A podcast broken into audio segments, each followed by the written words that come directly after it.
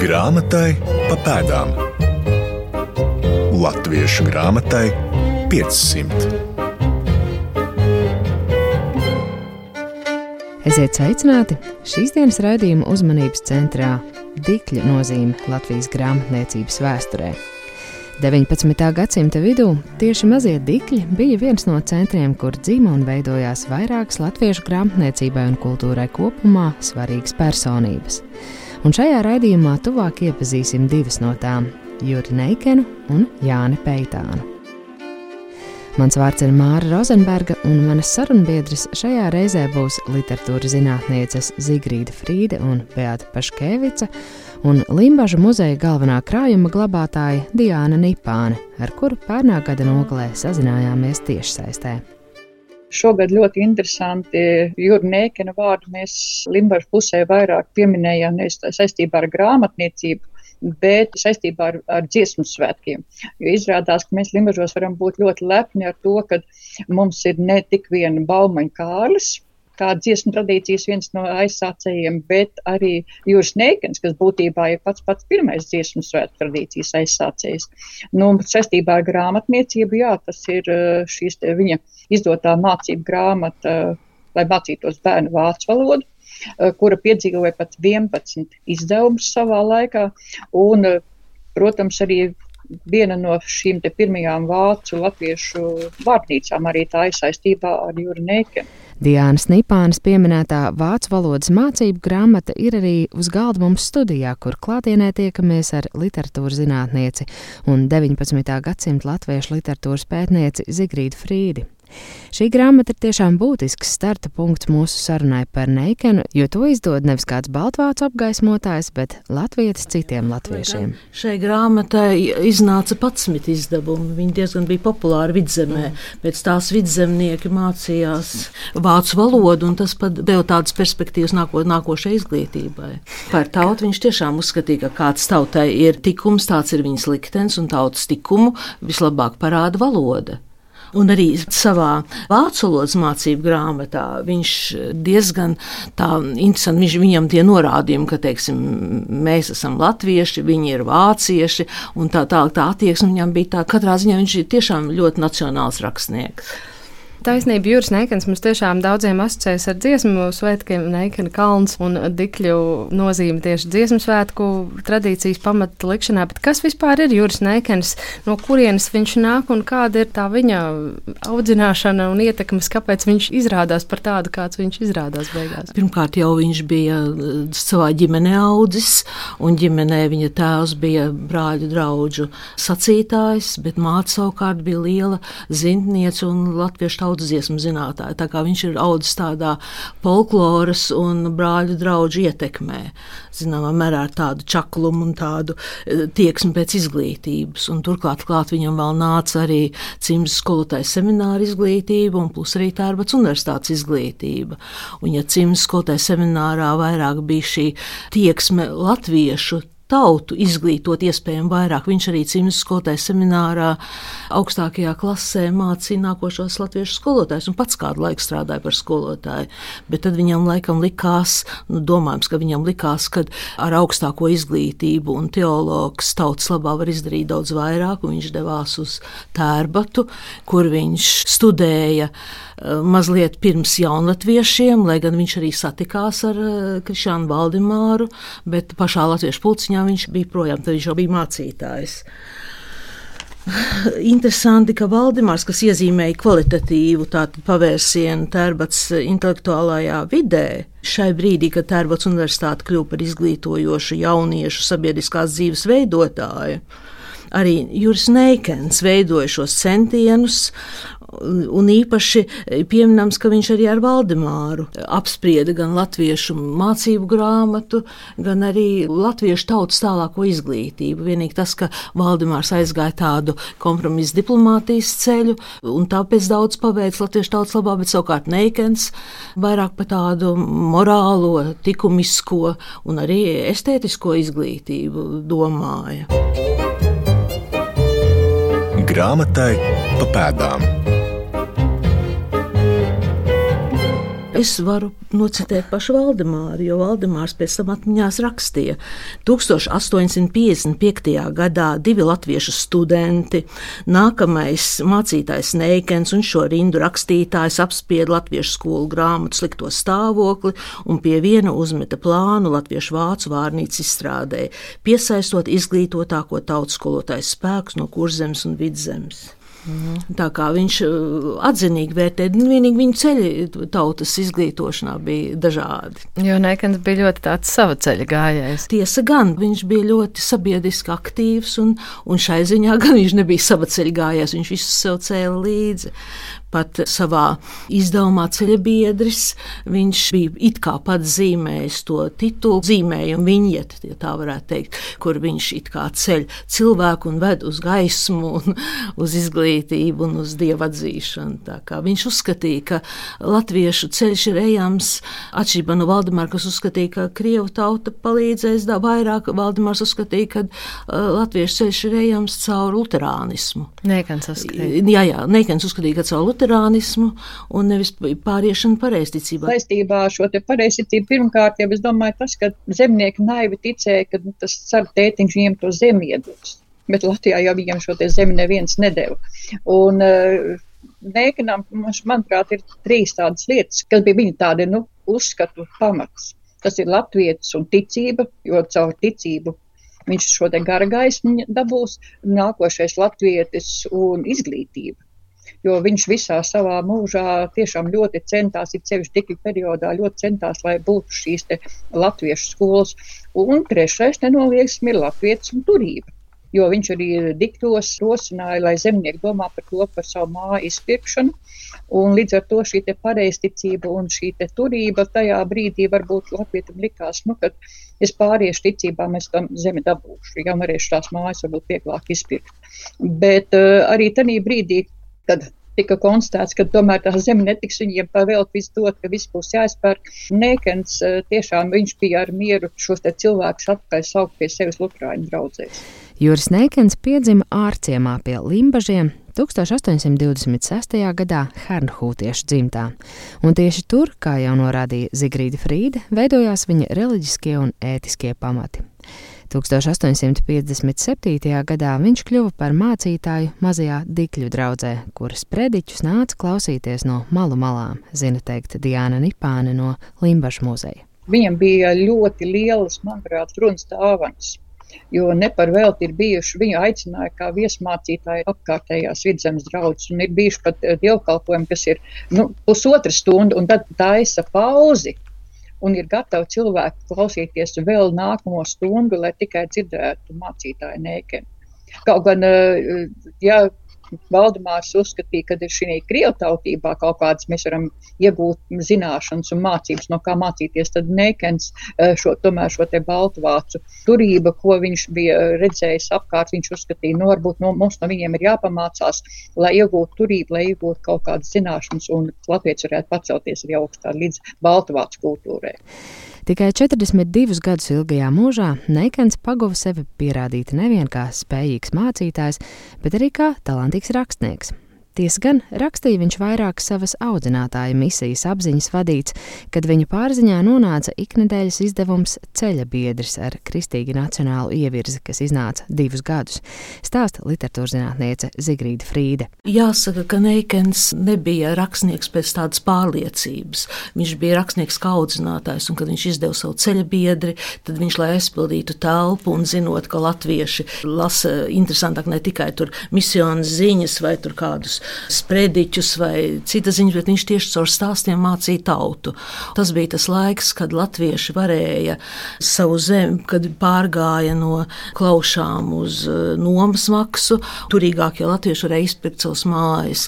Un eh, Neikens ļoti par to savā avīzē no dažādām pusēm runāja, kā tas ir, lai latvieši ceļ savu materiālo situāciju ar to, ka viņi iepirks mājas un paši varēs labāk viņas pārvaldīt un kļūst bagātāki un tā arī ir radušies vairāk viņa stāsti. Un konkrēti arī vai devītais bauslis vēl spēkā viņa stāsts, kur viņš raksta par to, ka mājas var eh, kopt eh, dažādi un konkrēti es atradīšu. Mm -hmm.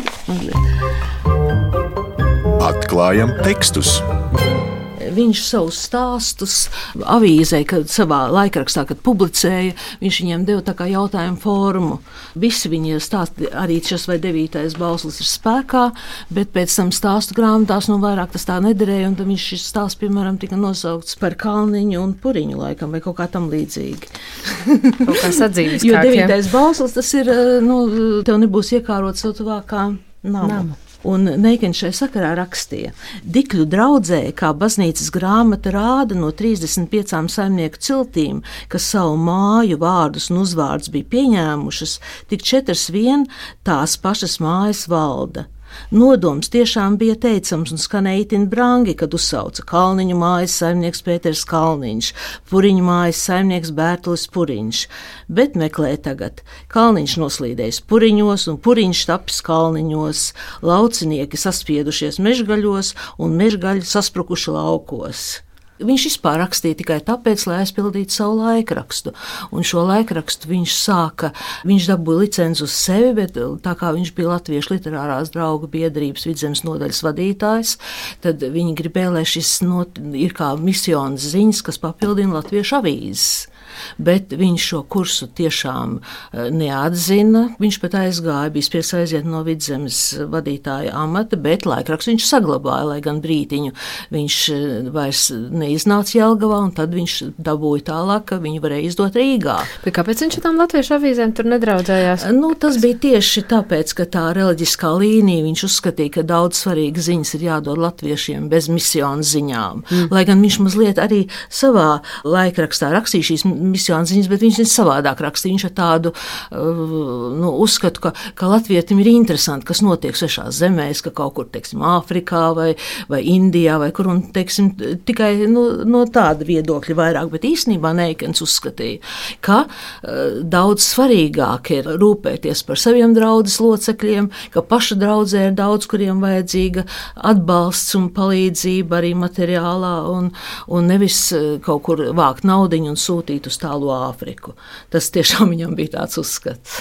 Bet, nu, šie. Respektīvi, redakcionālā viņš, politika nesakrita. Ja? Nu, mazliet mm -hmm. nesakrita, jā. Bet arī viņš uzskatīja, ka latviešu literārā draugu biedrība nav tik latviska, kā viņš uzskatīja, kā vajadzētu. Tu jau pamatā veidoji baltvāciešu, vai ne? Nu, protams, jā, nu, protams, mm. pamatā baltvāciešu. Un toreiz tā kā uh, politiskā situācija ļoti strauji pasliktinājās līdz ar latviešu pāriešanu pareizticībā Lutāņu mācītāji bija ļoti nostājušies uz tāda izdzīvošanas cīņas ceļa, jo viņi jūta, ka zūd draudzes, jo līdz tam jau latviešu draudzes bija, teiksim, salīdzinot ar vācu draugiem, latviešu draugu mācītāji bija pat situētāki bet jo vairāk pāriet citās ticībās cilvēki, jo zuda tā draudzība viņu tā atbalsta draudzēs. Sadzīves vērojumi ierosinājuši arī citus neikena stāstus, caur kuriem viņš saredzēja iespējas audzināt lasītāju. Kā Jurim Neikanam veltītajā Nacionālās encyklopēdijas čirklī raksta literatūras zinātnieks Benedikts Kalnačs, Latviešu rakstniecības attīstībā Neikens iezīmējas kā viens no pirmajiem autoriem, kura darbos līdzās didaktiskiem nolūkiem spilgti atklājas radoša mākslinieka talants. Viņa ietekme jūtama arī vēlāku autoru darbos. Neikana prozā aizsākties sižeti, piemēram, pazudušā dēla motīvs, mantisku interešu noteiktas laulības un ar to saistītās problēmas, vai bagāto un nabago kaimiņu attiecības vēlāk radoši izvēršas gan Rudolfa Blaumaņa, gan citu rakstnieku darbos. Turpina Zigrīda Frīde. 1863. gadā iznāca trīs stāsti, un viens no tiem bija Neikena, kura lika pamats latviešu prozas attīstībai. Viens bija Zvaigznīte, otrs bija Barons. Viņa šie trīs stāstīņi atsevišķi pats par sevi, bet kopā deva tādu pamatu latviešu tālākai stāsta attīstībai, kura, varētu teikt, vainagojās 80. gados ar apsīšu jēkabs stāstiem, kur šis viss kopā bija gan neikene tā morālā līnija, gan barona mazliet tāda optimistiskā un tāda dzīves cits redzējums, un savukārt zvaigznīts tāds ļoti rūpīgais, episkais tāds vēstījums. Atzīmējot 180 gadu gadus kopš Jūra Neikana dzimšanas, Limbažu muzejs 2006. gadā rīkoja zinātnisku konferenci un pēc tās izdeva arī rakstu krājumu savas tautas skolotājs Jūras Neikens. Tajā var padziļinātāk iepazīt šī neprastā latvieša dzīvi un devumu. Grāmatas sastādītāja Diana Nipāne, Limbaža muzeja galvenā krājuma glabātāja, stāsta, ka muzejā apskatāmi vairāki ar neikanu saistīti priekšmeti, taču ir kāda lieta, kuru muzejam vēl nav izdevies atrast. Gurs Neikans izrādās bijis ļoti labs zīmētājs. Nepavēlti šī vācu valodas mācību grāmatā arī zīmējumi iekšā. Un tad, kad viņš mācās Valmieras skolotājas seminārā, tad viņš ir arī zīmējis zīmējumus. Un vēl pēc Pirmā pasaules kara ir vienā grāmatnīcā atrasts zīmējumu komplekts, kur zīmējums viss veids jūras nēkens, bet nu, pagaidām mums šādu te zīmējumu komplektu nu izdevies atrast. Bet iespējams, ka kādā mājā viņš vēl varbūt glabājās. Grāmatai pa pēdām. Tagad aicinu pakāpties mazliet senākā pagātnē, kad sākas vēl kāda neparasta ar dikļiem saistīta latviešu stāsts. Un tas ir 1801. gadā Dikļu mūžā dzimušais Jānis Peitāns, kurš pusauģa gados latviešu iztulko un turpat mūžā uzveda Friedricha Šillera lugu Laupītāji. Latviešu kultūras vēsturē tas iegājis kā pirmais oriģināla dramaturgijas darbs, ko paši latvieši iztulko un iestudē. Peitāna tulkojumu pētījusi un pārrakstījusi Latvijas Nacionālās bibliotēkas vadošā pētniece Beata Peškēvica. Līdzīgi kā Neikana gadījumā, arī šeit varam runāt par hernhūtiešu ietekmi, viņa saka. Kāpēc vispār dikļi ir tāda vieta, nu, kas tur ir tik īpaša, ka no turienes nāk ne tikai Neikens, bet arī Jānis Peitāns, un viņi abi tādus nospiedumus atstāja? Nu, jā, man, manā interpretācijā strādāju Nacionālā bibliotekā un veidoju uh, izstādi, kur arī nesen noslēdzās par Hernhūtiešu rokrakstiem. Nu, es teiktu, ka tas ir tomēr zināmā mērā arī šis Hernhūtiskais iespējas, kas bija sociāla un reliģiska kustība, kura veicināja tautas izglītošanos viss tiešākajā veidā, teiksim, pilnīgi nepastarpināti. Un tas iesākās 18. 18. gadsimta vidū. Tātad šie henhūtiskie apvidi skāra Gaujas baseinu un dikļi nav tālu no Valmieras. Un šī kopīgā aprite tā arī to burbulīti tur vārīja. Mm, Nē, kadam tātad vecāki ir arī Henfūtiešu kustībā iesaistīti vismaz tēvs. Tēvs bija jā. sacītājs, jā, runātājs kā. Nu jā, ja tēvs bija sacītājs, tad tā ir jā, augsti jā, jā. inteliģenta jā. ģimene. Jā, jā. jā. Un Jānis Peitāns, vēl viens interesants personāžs no dikļiem. Jā, viņa nospiedumi ir dzimtas izskatā. Dzimta ir zināma no 17. gadsimta beigām. Tie ir arī tajā kontekstā, kāds vispār bija iespējams tajā laikā. Tie ir izglītoti cilvēki. Tie ir muižai pietuvināti, kalpotāji, pavāri. Um, arī dzimtā ir vairāki skolotāji, kuri pat par savu naudu ir cēluši dikļos skolu skolu. Tas ir zināmā mērā, jā, pētāns ir mums absolūts tīradnis, protams, jo, jo kaut kas tāds ir nu, tāds burtisks sprādziens tādā latviešu literatūrā, kur ienāk šis Šillera laupītāja teksta tulkojums pilnīgi nepastarpināti, teiksim, latviskā garā, latviskā vidē izauklēts un izaudzināts. Bet saknes viņam ir ļoti stingras, stingras daudzās paudzēs. Visticamāk, Šillera laupītājus Jānis Peitāns varētu būt redzējis Rīgas Vācu teātrī, pavadot uz pilsētu savu muškungu Georgu Fabianu Tīzenhauzenu. Īspirms tam vāciski ir iznākuši arī Šillera kopotie raksti. Tā kā mums ir pat divas iespējas, jeb arī divas vienlaicīgas lietas, kā Pētāns varēja tikt pie šī teksta. Viens viņš iespējams kaut kur aizmugurē, aiz cienījamās publikas, kuras sēž pirmajā rindā. Protams, viņa muškungs sēž jaunais. Viņš kā 17-gadīgs jauneklis, jeb pat 16-gadīgs jauneklis, nostājies kaut kur kā kučieris, iespējams vēro šo izrādi. Mums nav pilnīgi konkrētu un skaidru pierādījumu tam, bet ir pierādījums tam, ka Tizenhausens tajā laikā uzturās Rīgā. Protams, ko tad dara ziemas sezonā, apmeklē teātri. Tas ir arī pilnīgi dabīgi, ka tā tas notiek. un tas iespējas redzētā vai lasītā, to mēs līdz galam nezinām, bet tomēr Šillera laupītājus Peitāns iepazīst vēl būdams pusaudzis, un kas notiek tālāk? Bumba sāk vēlties. Tā ir tāda milzīga sniega bumba, jo Tajā 817. gada novembrī ir notikusi izrāde, un jau 818. gada vasarā Pētāns ir uztaisījis savu izrādi. Tā kā cik mums ir laiks brīdis, mums ir pusgads praktiski starp šiem diviem notikumiem.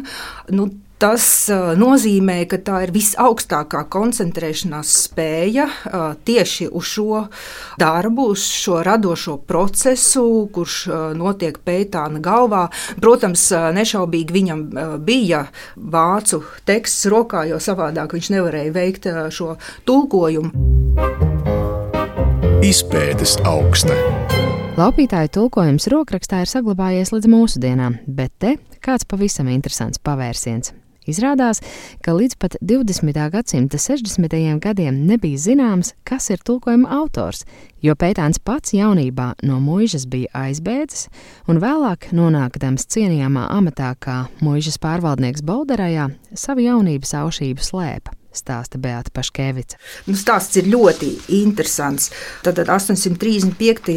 gadā Bolderājas mācītājs un arī skolu direktors, bruņinieks un arī cenzors Adolfs Albānus nodod šo manuskriptu latviešu literārajai biedrībai, un viņš pastāsta tātad, ka šis darbs ir ticis uzvests es varu nolasīt arī to Albānusa uzrakstu.